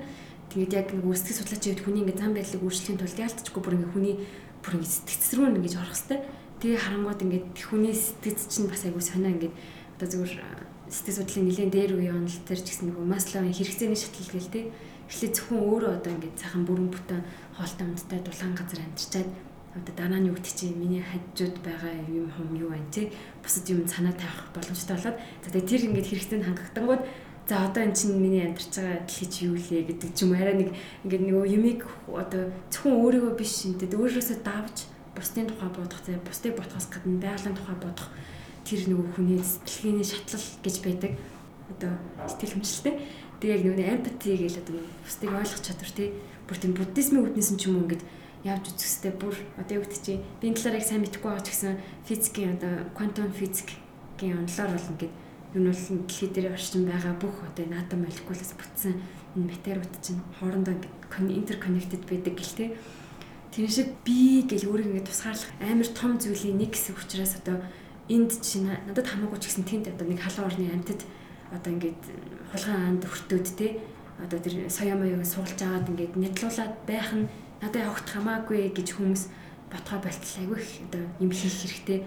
Гэтэ зөвхөн хүмүүс анханаас ингээд амар радикал өөрчлөлт хийгээд энэ дэлхий гэдэг чинь зүгээр л ингээд миний одоо би энэ дэлхийн нэг хэсэг учраас энэ дэлхий одоо бүх юм л одоо зөв болтралтай явах хэрэгтэй гэж хүмүүс бодчих юм бол хүн болгонд тийм сэтгэхгүй төрчих юм бол одоо зөвхөн мөнгнөөс олж те болчмгүй зүгээр байгалаас үтгсэн юм хийхээ хүн төрлөختөн бол басах баха.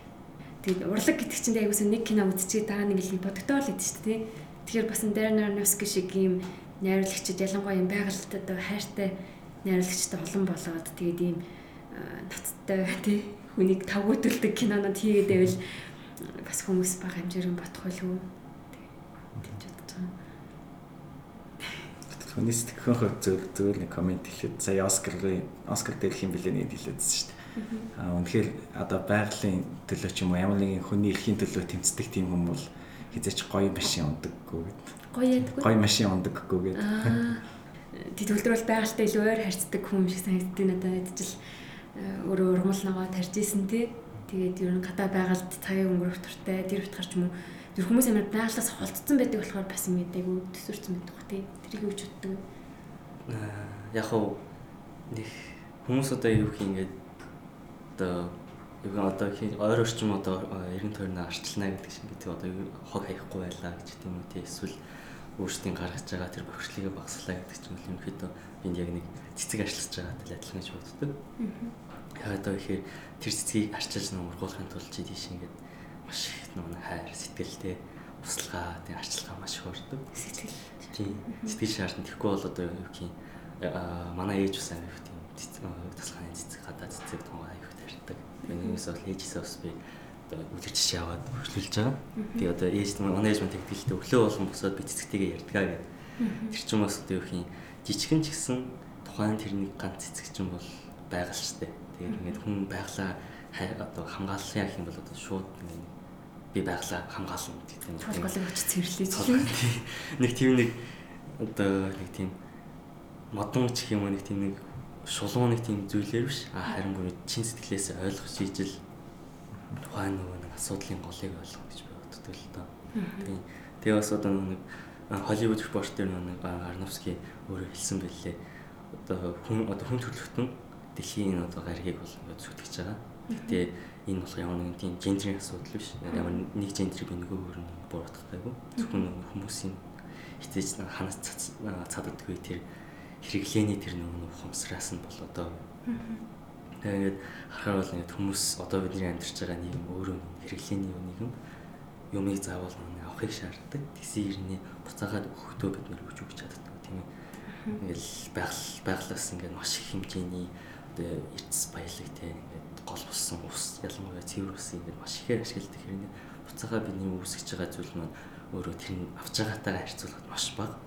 Тэгсийн тэд нэр бидний өөрсдөө тэрийг маш ухамсаргүй ашигладаг.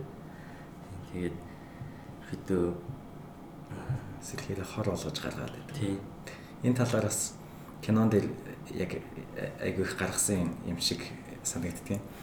Хин чин mother өөрөө яг одоо бурхандаа хим хим нөхөртөө зориулаад кино дуусах хүртэл өөртөө байгаа бүхэл юм өгөөлээд байшинг одоо нөхрийнхөө төлөө байсан. Тэгэл бүх арыг нь цэвэрлээл, гэрээ цэвэрлээл хүүхэд ингээд төлөвлөж гисэн. Харин нөхөр нь болохоор бүгднийг ингээд хэрэглээлээдэг. Хамгийн сүлд нөхөхтэй хүртэл ингээд зүрхээ ингээд нөхөртөө өгдөг юм. Тэрийг ноёутай айгу зөвлөсөн байсан. Give in tree гэд үлгэр өгдөг шүү дээ. Энэ нөх хүүхдийн үлгэр нэг хүүхэд очоод алим модноос алим гож авал дараа нь навчийн авал дараа нь байшин барих хэрэгтэй ингэж модын тайлж авал хөгшин болчоод очисон чинь одоо над чамд өгөх юм байхгүй гэтээ чи яад чи над миний хожуулд ил суугаад хөлөө амраа та гэлдэг тий.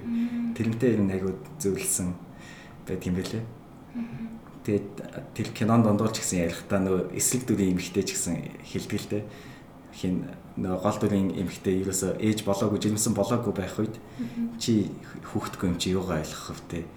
Чи хэрвээ ээж болчих юм бол it's only giving giving giving гэлээд шүү дээ. Зөвхөн өгөөлээ нөгөөлээ нөгөөлээ гэдэг. Тэгж тусахгүй тий.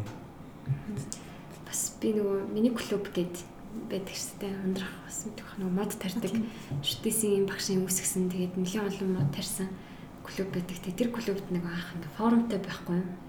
Форумтай одоо ч гэсэн байгаа.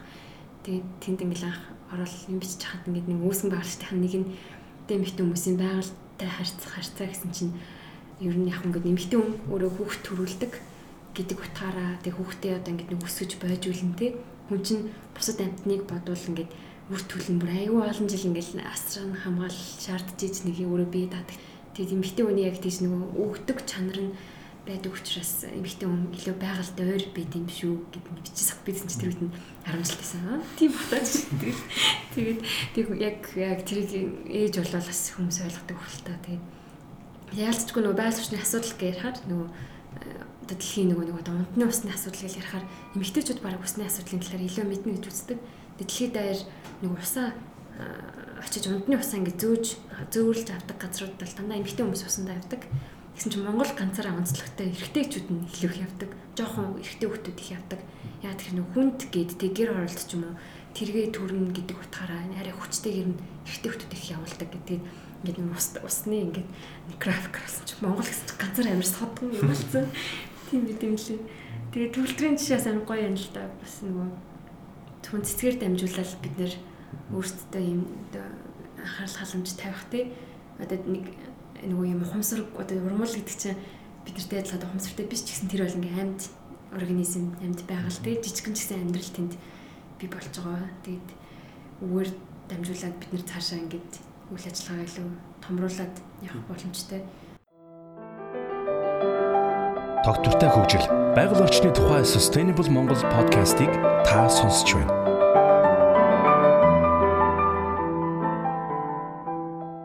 Ингээд их сургууль сурч явахт хүртэл ингээд одоо аливаа нэг салбар шинжилгээ ухааны бүр ингээд эксперт мэрэгчлэн болсон хүмүүс нь тэр хүмүүс л одоо хамгийн одоо ингээд тэр салбарынхаа бүр бейсик юм хинт ч ойлгомжтой гоё ярьж чаддаг. Тэр шиг хичнээн том байгаль орчны бодлого ярьдаг мөртлөө өөрөө одоо ингээд нэг тийм халамж анхаарал тавих чадваргүй бол тэр нас илүү ингээ хортой зүйлж байж болох үз болох л та. Тийм. Тэгэхэд тийм болохоор бас дор бүрний хичээж үйл амар гоё бах. Тийм миний үед тэгээд яг ихтэй байгууллагын салбарт ажилладаг ч гэсэн бүр байгальтайгаа ингээ байнга шууд ингээ харьцах боломж яг чин чумбаг байдаг. Тэгээд тийм болохоор хаяа нэг сартаа нэг удаа ууланд гардаг ч юм уу те. Тэгээд ууланд гараад тэгээд бас гэртээ нэг хідэн цэцэг тарж үзэж байгаа. Тэгээ манай ажил дээр нилээх цэцэг өгдөг. Тэр цэцэг гэдэг төвлөрөл арчилдаг. Тэгээд э, харин гэдэг нэг цэцэг туслах тухайд нөгөө манай ажлын хүн амир бид нар хуралдаа суужсэн чинь ингээд нөгөө цэцэгнүүдэд тэр үед туслаагүй байсан юм байна л та. Тэгээ тэрийг цэцэг туслаагүй мүү энэ цэцэгнүүдийг харсан чинь би бүр ингээд цангаад байна гэсэн. Бид нар ингээд юм ярьчихсан чинь шууд ингээд очиж бас авангуудаа ингээд цэцгээ басалчихсан байхгүй. Тэгээд яг нөгөө яг тэр ургамлыг ч гэсэн ингээд нэг хүн байгаа юм шигээр мэдрээд бид нэр тэгэж айгу өөрөөсөө хандах юм бол цаашаа ингээд бусад зүйл дээр цаг хүчээ зарцуулахад нэг айгу хэцүү эсвэл нэг зарим хүмүүс ярьдаг шиг идеалны ингээд нэг амар одоо романтик байдлаар биш чинь ингээд угаасаа айгүй чухал учраас амар практикал учраас бид нэр хийж байгаа алхмууд гэдэг хүмүүс илүү ойлгох бах. Тэгээд яаж ч юм ингээд нөө сайн үлсийн аян тэгээд байгаль орчин гэмүүд нэг сайн үлсийн аяны нэг хэсэг болоод ч юм уу тий. Тэнгүүд хүмүүс аа нэг худлаа одоо бусдад цахаар харагдахын тулд тий нэг хэмжээ бүрдүүлэх гэл нэг юм юм хийж байгаа юм шиг байна гэд тийм хандлага ингээд ерөөсөө бити байгаасаа гэж би бодохгүй. Байгаль орчны тухай хийж бол энэ бол ерөөсөө нэг тийм шоу муу бол биш. Та угаасаа таны баг үүрэг те. Тэгээд бүр би нэг сайхан хуульчнастай харилцаж хахад хятадууд байгаль орчны чиглэлээр айгүй тийм талаацтай нэлээд их сараг хэмжээнүүд аваад маш их хөрөнгө төсөөлж байгаа. Тэгээд бүр сайхан бүр үндсэн үйлдэл хүртэл өөрчлөлт орсон. Тэгээд экологийн одоо соёл иргэншил гэдэг нэр томьёо үйлдэл оруулаад тэг хятад гэдэг одоо улсын цаашдаа замнах одоо бүх одоо бодлого төрийн бодлого юу гэдэг чи бүх зүйлүүд нь экологийн соёл иргэншил гэдэг зүйлд зангидагдж явна. Тийм учраас ингээд хуулиндаа өөрчлөлт оруулаад тэр Английн client work гэдэг одоо байгууллагыг үндэслэн орчны хуульч хүнээр бүр зөвлөгөө аваад тэр бүр ингээд нямдуудын төвшөнд бүр үндсүүлийн төвшөнд өөрчлөлтүүд хийх явж байгаа. Тэгээд тэр client work-ийг үүсгэн байгуулсан хуульч маань бүр засгийн газар шүүгдэгтэн. Тэшүүн Английн засгийн газрыг агарын бохирдлоо шийдэж чадахгүй байна гэж шууд шүүгдэг очиж шээ. Тэгээд тэр нь олон улсын шүүгт ингээд өөрийнх нь хэрэг ялаад одоо ингээд агарын бохирдол юу чи усны бохирдол төрөл бүрийн байгаль орчны бохирдлыг ингээл байгаль дамжуулаад тэрийг юу чийгээгүй юм шиг байгаа төр засгийг шууд олон улсын төвшөнд ингээ шүүхт өгдөг механизм гарч ирж байгаа мөлий. Тийм тэгэхээр энэ бол ингээд хүмүүс их чинь яадаг штэ одоо ингээд ингээд зөв зөвлөх хүн ингээд битий надаа хийж болохгүй шүү гэдэг чинь хүмүүс яа ч ингээд хоригт цусм хийдэг те. За тиймүүд ингээд бүр нэг өөрт нь ойлгуулахын тулд яалтчгүй ингээд хуулийн зохицуулалтаар л юмнуудыг хийх хэрэгтэй болж байгаа.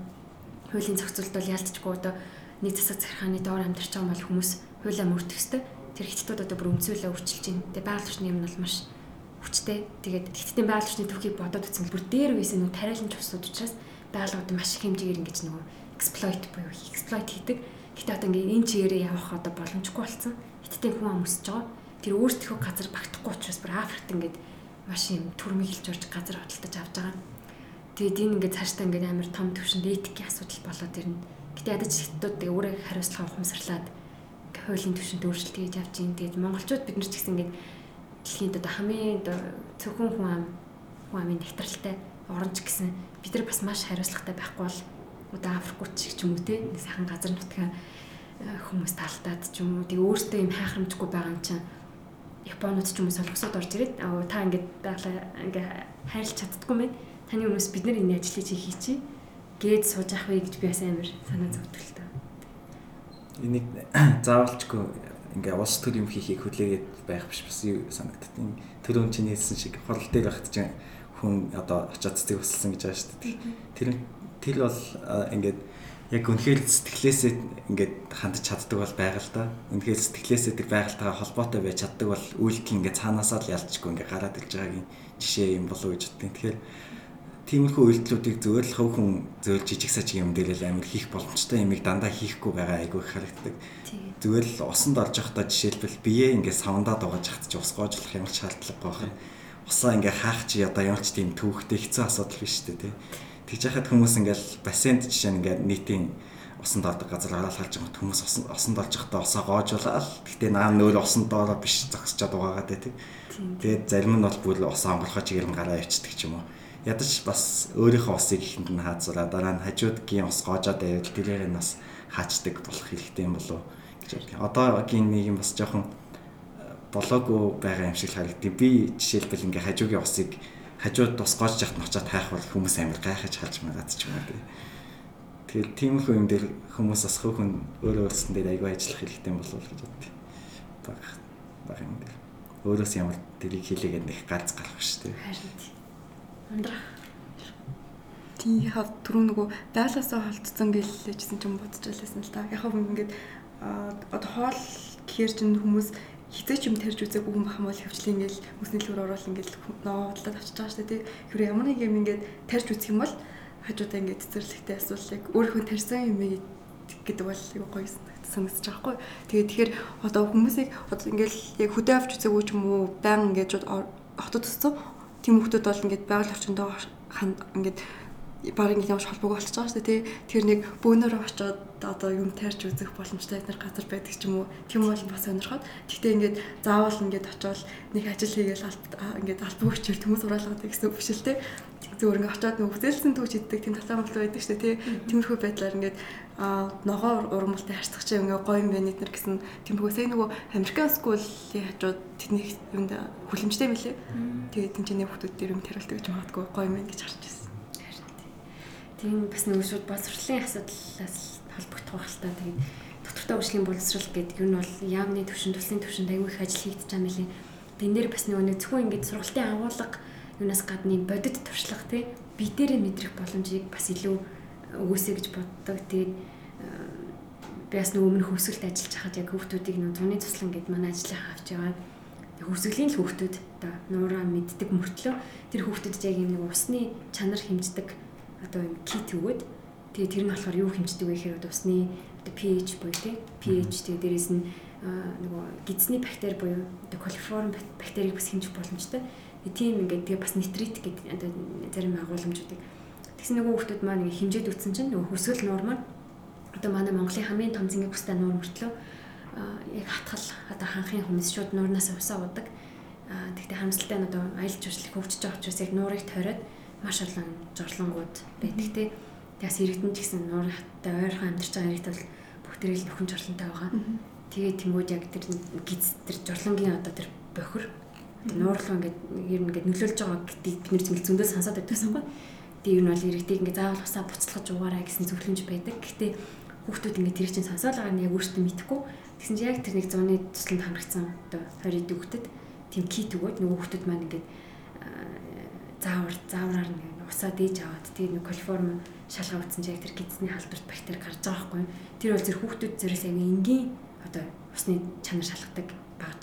Тэгээ бүр тэр лабораторийн төвшин ингээ шинжлэх юм бол тэр бактерийн тав хитч гарч байгаа тийм Тэнгүүд одоо яг ийм байдлаар хүүхдүүдэд ингээ багаас амар бодит ойлголт өгөөд ах юм бол тий ялангуяа чинь ингээ өөртөө тэр усны дээж аваад шинжилээд үзэнгүүд зүгээр нэг сонноос тий хүсэл нуурын ус одоо гизний халдварт бактериэр бохирдчихээ гингүүд аа гэл өнгөртөг юм тий тэр бүр ингээ нэг өөр өөрт нь ингэж биеэр нь мэдрүүлвэл бас юм илүү хүртээ юм шиг байна тий за киноны хатхаа тэгэхээр нэг жоох юм кино ярих гал киноны талаар за дуртахад энэ кинонд нөлөөлсөн зүйл найрлагчид нөлөөлсөн зүйл юу байсан бэ гэвэл Ingmar Bergman гэдэг найрлагч байдаг. Энэ найрлагчийн Hour of the Wolf чанын цаг гэх юм уу. Энэ цаг маш их нөлөөлсөн гэж өөрөөр хэлж илээ. Мэддэггүй байж байгаа скриптээ кино зохиолоо нэг 5 өдөр бичсэн гэсэн шүү дээ. Тэгчээд нэг хүнд уншуулсан чинь нөгөө нь чи энэ киног үзээд үзээрэй гэж хэлсэн гинэ Ингмар Бергманы. Тэгээ телийг үзсэн чинь үнэхээр таалагдаад тэнгуутаа тэр кинонд яг киногоо хийж авах хэвээр киноны тэр одоо мэдрэмж, мууд гэдэг юмд тэр кино одоо Ингмар Бильдманы кино маш их нөлөөлсөн гэж өөрөө хэлж байсан. За дээрэс нь одоо энэ найруулагчаас юу гэж асуусан юм л да. Одоо Роман Поланскигийн найруулагч байдаг шүү дээ. Репашн гэдэг юм тийм. Тийм Роман Поланскигийн нөлөө таны кинонд амар их харагддаг аа. Ер нь энэ киноноос ч гэсэн харагдчихээн. Та үнэхээр одоо тэр киноны нөлөөнд автсан уу гэж асуусан. Роман Поланскигийн апартмент гурвал гэж байдаг. Байшингийн гурвал. Одоо тэр Passion байгаа Rosemary's Baby дахиад юу гэлээ нэг гурван кино байдаг.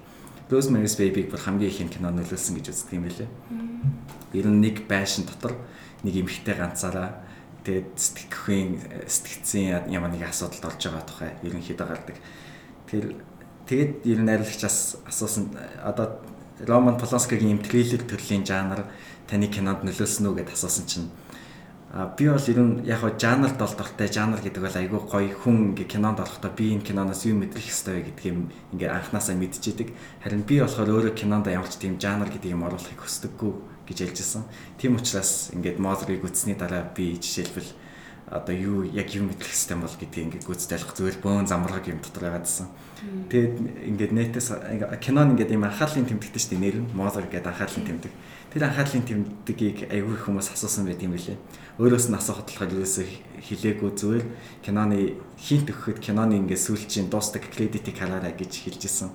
Тэрийг нь хараад би л юм ойлгоогүй л дээ. Тэр яг яасан бэлээ. Одоо кредитэн дээр Аха. Хим гэдэг нөгөө нэг тэрхтийг хэлж байгаа шүү дээ. Тэрнээс бус бүх үгнүүд нь дандаа жижиг үсгээр ихсэн. Тэг. Тэгээ тэр нь болохоор нэг хим гэдэг одоо ганц одоо нэг omni одоо ганц panipotент нэг зүйлийг хүмүүс ингэж бүтдэн шүү дээ. Тэгээ тэрийг ингэж харуулж байгаа. Бусуудын хувьд бол бид нар бол бүгдээрээ адилхан. Одоо байгаль их бурхан бол адилхан гэдэг тийм санаа гаргах юм. Би л бодлоор л тэгж би ойлгосон. Яг анхаарлын тэмдэг нь бас кино дуусахдаа бас гинт шинээр эхэлчин гот хүмүүст тэр нь анхаарлын тэмдэг болж үлддэг гэдэг утгаараа байж болж гин гэж өөрөө бас тэрийг хэлжсэн. Гэтэ бас нэг тайлбар дээр болохоор ихэнх юм анхаарлын тэмдэгтэй нэрнүүдтэй кинонуудыг хараад үзсэн гинэ. Гэсэн чи яг мюзикл кинонууд амар их анхаарлын тэмдэгтэй байдаг нэр нь. Тэгээд мюзикалыг зөвөр ингээд тэр тэр жигсаалтаас хасж байгаад харахад айгүй олон одоо комеди буюу нийгмийн кино анхаарлын тэмдэгтэй байдаг юм байна. Жишээлбэл хамгийн сүүлд Кидричл Линклейтерийн нэг кино байсан. 16 онд гарсан тэр кино л гэхэд хоёр анхаарлын тэмдэгтэй байх жишээ тийм. Тэгээд харахад аа энэ кино чи ер нь комеди юм биш үстэй гэд гайхаад харсан гинэ. Тэгээ яг комеди гэж яг юу вэ гэдэг ти- тийм нэг боломжлолт одоо одоо description үгийн тайлбар дээр юу гэсэн байдаг вэ гэхээр комеди гэдэг бол трагедигийн эсрэг л гэж хэлсэн байдаг. Одоо трагеди буюу юм уу? Эмгэнэлт кино яадаг вэ гэхээр хүмүүс аз жаргалтай эхлээд сүулдэ ингээд тамд ороод дуустдаг. Харин комеди гэдэг нь болохоор хүмүүс ихэвчлэн зүгээр нэг одоо төвшөнд эхлээд ямар нэгэн луп юм тойргоор явж хагаад буцаад баг анхныхаа төвшөнд буцаал ирдэг. Гэхдээ өмнөхөөс яг арай жоохон дээлцсэн байдал буцаж ирдэг гэсэн тийм тайлбар өгдөг юм байлээ. Тэгээ яг Шекспирийнхаар тайлбарлах юм бол Шекспирийн эмгэнэлт жүжгүүд дээр хүн болгон өвхөж дуустдаг. Харин Шекспирийн инедмийн комеди дээр болохоор а одоо юунод буруу хүмүүс нь шийтгэлээ хүлээгээд зөв хүмүүс нь арай илүү одоо тогтворчсон гэх юм арай илүү сайжилсан тийм юунд дуустдаг гэж үздэг. Тэгэхээр энэ утгаараа энэ кино комеди баг тал руугаа орох юм байна. Тийм учраас анхаарлын тэмдэг өгсөн юм байна гэж хэлж байсан. Тийм. Тийм комеди гэдэг нь яг далд утгаараа бас айгүй тийм яжилсан хүмүүсийг одоо шоолсон маягаар тэгээ бас бурхныг ч гэсэн баг л одоо шоолсон маягаар гэх юм уу энийг ингээд дэлхийг үүсгээл амар гоё амьдрах гэж явал тэгэл нөтг нь бүтлгүүтэн го заа за дахиад эхлэхээс гэл ингээд дахиад эхэлдэг. Тийм бас нэг амир бүтггүй ир. Тэ. Харин тэрэн дээр тэгтээ нөгөө хүүн үд болоод нэг хүмүүс ирээд уйлдээ штэ тий тэгсэн чинь тэрийг нь ингээд шүлэг мүлэг болгоод шууд тэгэл ингээд яг хүмүүс ингээд гашуудж авах чинь тэрнийг ингээд өөр ашиглаад яваа шүлэг бичиж байгаа юм шиг гэж аахгүй тэн дээр харин тий. тэн дээр тэгтээ нөгөө бурхан нэг дэлхийг бүтээсэн тэгэхэд дараа гэд нэг түүх хагаад байдаг штэ эхлээд эмгтэй эрэгтэй хоёр өмнө бүтэчээд буцаад ирсэн чинь ингээд би биэнд хайрт болсон. Тэгсэн чинь яагаад энэ хоёр ингээд аз жаргалтай байгаа юм гэмэгтэй цацаад хоёрыг тэгвэл мөнх амьдралаа болооч гэдэг өгтөө өгөхөр бололч байхгүй. Тэгээ жоохон байж байгаа буцаад ирсэн чинь ингээд нөхөрнүүд болсон. Эхнэрэн жилөө тэгээ тэгсэн чинь нөгөөх нь ингээд айгу тэнгэрийн хаяа руу хараад ингээд бас нэг өөр эмошн ороосгож байгаа. Тэгсэн чинь тэр нь юу болж ийн гэд тэгсэн чинь санах сэтгэл гэд. Тэгээд тэгээд ингээд нэг хүмүүсийг аз жаргалтай байхгүй гэж ч байгаа юм шиг. Тийм түүхэд гэхгүй тэр тэр бас санаад орчихсон. Яг хав. Миний бодлоор л одоо юу юм ямар нэгэн зүйл угаас ертөнцийн гарыг дэлхий бүгдийг бүтээсэн байж таараа. Гэхдээ тэр бүтээсэн хүчин зүйлийн зүйлд бол бидний амьдрал ч гэдэм үү те одоо оршин байгаа зүйл бол ямар ч хамааралгүй зөвхөн үүсгэсэн. Тэгээ бид нар бол тэрийг цаашаа яаж явах нь бол гол нь бидний Илтэй л асуудал хамгийн гол нь нөгөө нэг бурхан ослоод хийж байгаа шүү дээ. Одоо тэр хийн гэдэг юм чинь байрны хандлагаар юусан анхаарахгүй тийм ингээл зөвхөн тэр хүмүүсийн уйтгар гашуу тий тэрийг нэг ойлгож байгаа хүмүүс үүсгдэг. Тэгсэн юм тэрүүн тэрнээсээ бас тэр хүний нэг өслийн нэг тийм таашаал авч байгаа юм шиг санагдаж байгаа шүү дээ.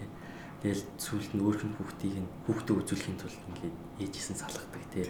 Тэгээд эцэст нь тэр хүүхд нь яадаг вэ? Тэрнийхэн дараа бид нэр энийг өршөөх хэрэгтэй гэдэг.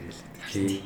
Тэгээд бас нэг жоохон шашны талаас гэх юм бол одоо хүмүүс нэг бурхан биднийг үүсгэсэн болохоор бид нар бурхан нэг шүтэх хэрэгтэй гэдэг.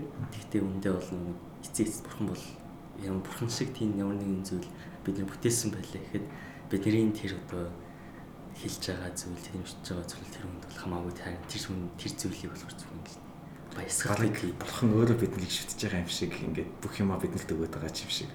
Энэрнгөө хандаад байгаа юм шиг. Ийгцэн бас байсан л да.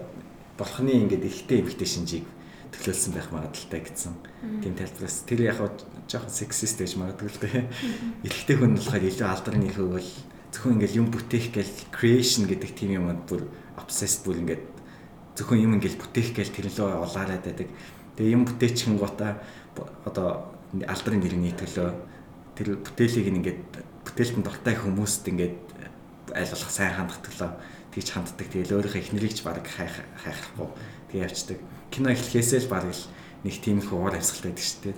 Нэг юм мэддэхгүй ч гэсэн жүжигчтэн цаанаал нэг жүжигч байгаа байдал нэг сонин үнссэн чинь нэг сонин царайс нэггүй би өмхий үнэлт надаас өмхий үнэлж байгаа би явчихсан боллоо гэж шууд цааш явдаг ч юм уу. Гэтэ нэг яг нэг бодлын бас нэг гэр бүлийн асуудлыг нэг хальт харуулсан ч юм шиг. Тэгэхээр нэг кино бүх л асуудлыг дийлгэнцэж байгаа шиг гэр бүлийн асуудлаас эхлээд байгаль дэлхийн асуудал те. Бас нэг зүгээр нэг ганцхан илэрхийл нэмэт хэлчихэд тэр нэг цусан толб байгаад байдаг шүү дээ шалан дээр.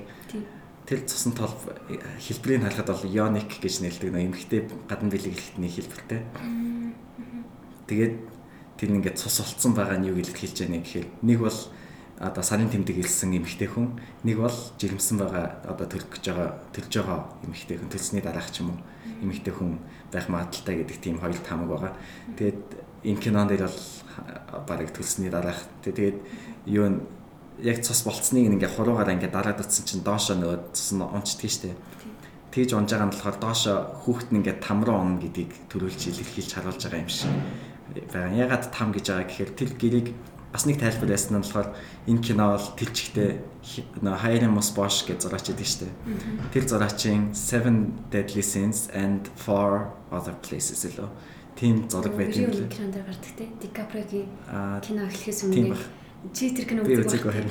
Гэтэ тэр кино дээр тэр зурагч нь одоо 7 одоо гин нүгэл гэж байгаа штэ. Тэгэхээр тэр байшны нэм нөө октагонал хэлбэртэй 8 өнцгтэй. Тэгээд үүдийг нь ингээд зүгээр нэг нэг тал нь бол ингээд үүд орох хэсэг гэж үзэх юм бол үлдсэн 7 нь ингээд 7 deadly sins болоод хөлчихж байгаа. Тэгээд дээр байгаа өрөөнүүд нөө дөрөв босод газар. Тэгээд хамгийн дээр одоо кино гарч явах үед жишээлбэл яг нөгөө хоёр хүүхэд орж ирэл хэрэлдэж явах үед одоо хийм гэдэг байгаа тэр бурхны дүрийг бүтээгээд байгаа эрэгтэй чинь зүгээр 3 давхраасаа яг ингээд дээрээс харж хахад яг дээрээс нь амар тод гэрэл тасцсан. Яг бурхан ингээд дээрээс бүгдийг харж байгаа юм шиг байдалтай тийм зур дүр зураг байдаг. Тэрний нь болохоор нөгөө judgment room ч гэдэг юм уу. Тийм байдлаар ингээд дэлхийлж болно. Харин basement тэр доор байгаа одоо зойр нь болохоор там гэдэг утгаар ашиглагдчих ах магадaltaй. Тийм учраас тэр одоо модыг ингээд түлхээ доошоо унж байгаа нь бол там руу ингээд унж байгаа гэдэг. Тийм илэрхийлэл байх магадaltaй гэж хэлж илээ. Тэгээд яг нь илэрхийллийн үед бол кино болохоор тэр нэг илэрхийлэл символоор амар дүүрэн кино. Тэгээд тэр дундаас нэг юм онцлмоор нь юу гэхээр нэг асаагуур байгаа шүү дээ. Анхны нөгөө нэг одоо Адам хурж ирээд тамхи татдаг тийм. Тэгтээ ингээл асаагуураа хайгаал технэр одоо нэг тамхи татдаг дургуцаад асаагуур ингээд төлөж шүү дээ. Тэгтээ юу гэхээр Угаасаа хүн төрөлхт нэг одоогийн хүчил төвшөлт хүрсэн зүйл бол галыг ашигласнаас болоод ингэж хурж ирсэн. Тэгээ галаас болоод тэгээ одоо юу шууд таних юм бол ойлгомжтой юм байна. Эмишн ялгарч байгаа шүү дээ. Сэтгэлгээс хэрсэмж нэг илээ ихсэж байгаа. Тэгээ бас тэр нөгөө нэг асаагуурн дээр нэг юм тэмдэг байдаг. тэрийг болохоор Zodiac sign гэдэг тийм. тийм Ванда Ховн гэдэг аа, Арманы тийм нэг тийм. эртний нөгөө нэг одоо рүүнүүдийн нэг. Тэгээ тэр нь болохоор ерөнхийдөө бол утгын хувьд нөгөө yin yang yang байгаа шүү дээ. Арга байлах хоёртой ерөнхийдөө бол их төстэй. Хэлбэрийн хувьд ч гэсэн ингээд дээшээ гурван салаасан. Нэг нэг шумаар нийлээд доошоо ус гурван салаасан. Яг одоо ертөнцийн эсрэг тесрэг зүйлийг илэрхийлж байгаа.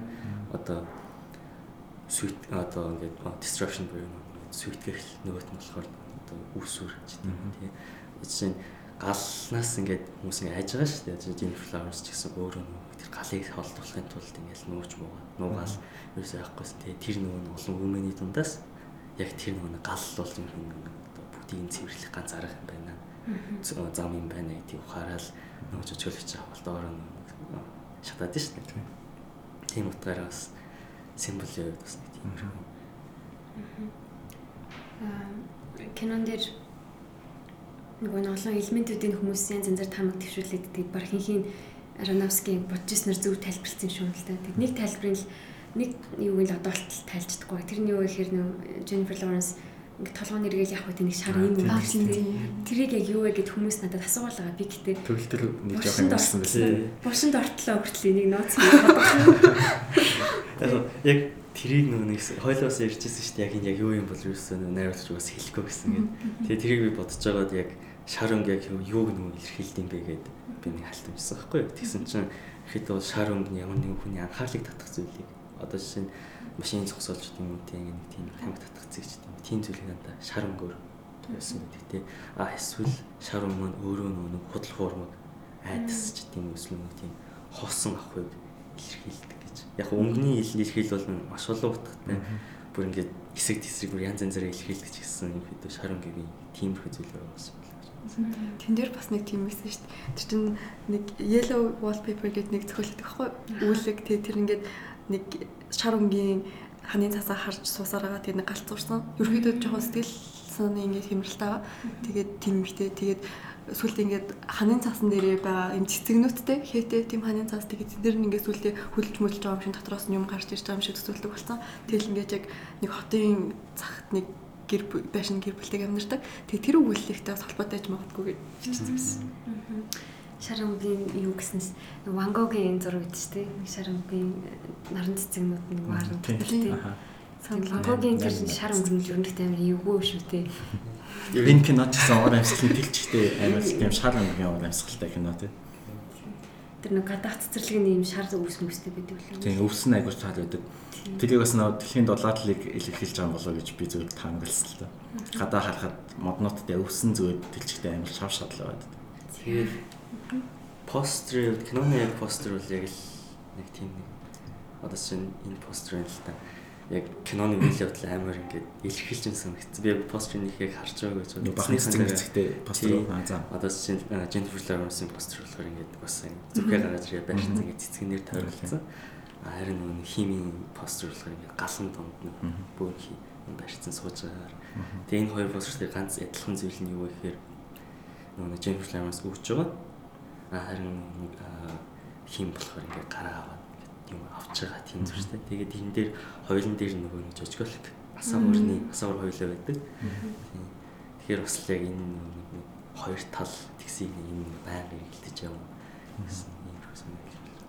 Тэгэд энэ найруулагч гол дүрийн эмэгтэй жүжигч хоёр маань бас киноны дараа киноны зураг авалт үржилүү хоорондоо нэлийн татансаад нэг хэсэг бол нь үргэлжчихсэн тэгээд салцсан юм лээ. Юм зэрэг харж ирсэн. За тэгээд э, би бол миний хувьд Дарren Aronofsky-ийн дараагийн кино юу байх болоо гэж маш их сонирхож байгаа. Тэгээд бас мөн өөр урлагийн хүн байна. Тэгээд өөрийнхөө олон танигдсан кино найруулагчийн үднээс бас цааш ямар байгууллагчны үйл ажиллагаа санаачлах нь тий адилхан бас зүйл хийж явдаг Леонардо Ди Каприотой хамтраад юу хийх нь тий За тэгээд нөгөө Emma Watson одоо Harry Potter-ийн жүжигчин тий тэр чинь одоо нүүбийн нөгөө төлөөлөгч болсон явж байгаа. Тэгээд тэр бас айгүйх байгууллагчны юм бас заримдаа ингэ дурдж харагддаг. Тэгэхээр илүү алдартай хүмүүсээр дамжуулж бас environmental activism илүү хүчтэй яваасаа гэж бас боддог. Алдтай хүмүүс энэ нөлөө нөлөө юм бол амар их байгаа тийм. Энэ киноны хийгдэж дуусахдаа нэг жилийн дотор дууссан гэж байгаа байхгүй. Яагаад гэсэн чи яагаад гэвэл Jennifer Lawrence хэлсэн учраас ерөөсөө хүмүүс зүгээр киногийн зүгээр л одоо угаасаа л гоё кино болно гэж шууд одоо хий хийгээд эхэлсэн. Явж тийм татгалзах юм байгаагүй шууд эхлээл явцсан. За тэгвэл энэ дугаагийн дугаар энэ дугаараа ингээд өндөрлөе. Тэгээд дараагийн удаа бас та бүхэнд сонирхолтой мэдээлэл хүргэх болно. За баярлалаа. Баярлалаа. Баярлалаа. Бас маш их баярлалаа. Цаг гаргаж оролцсонд. За баярлалаа. Thank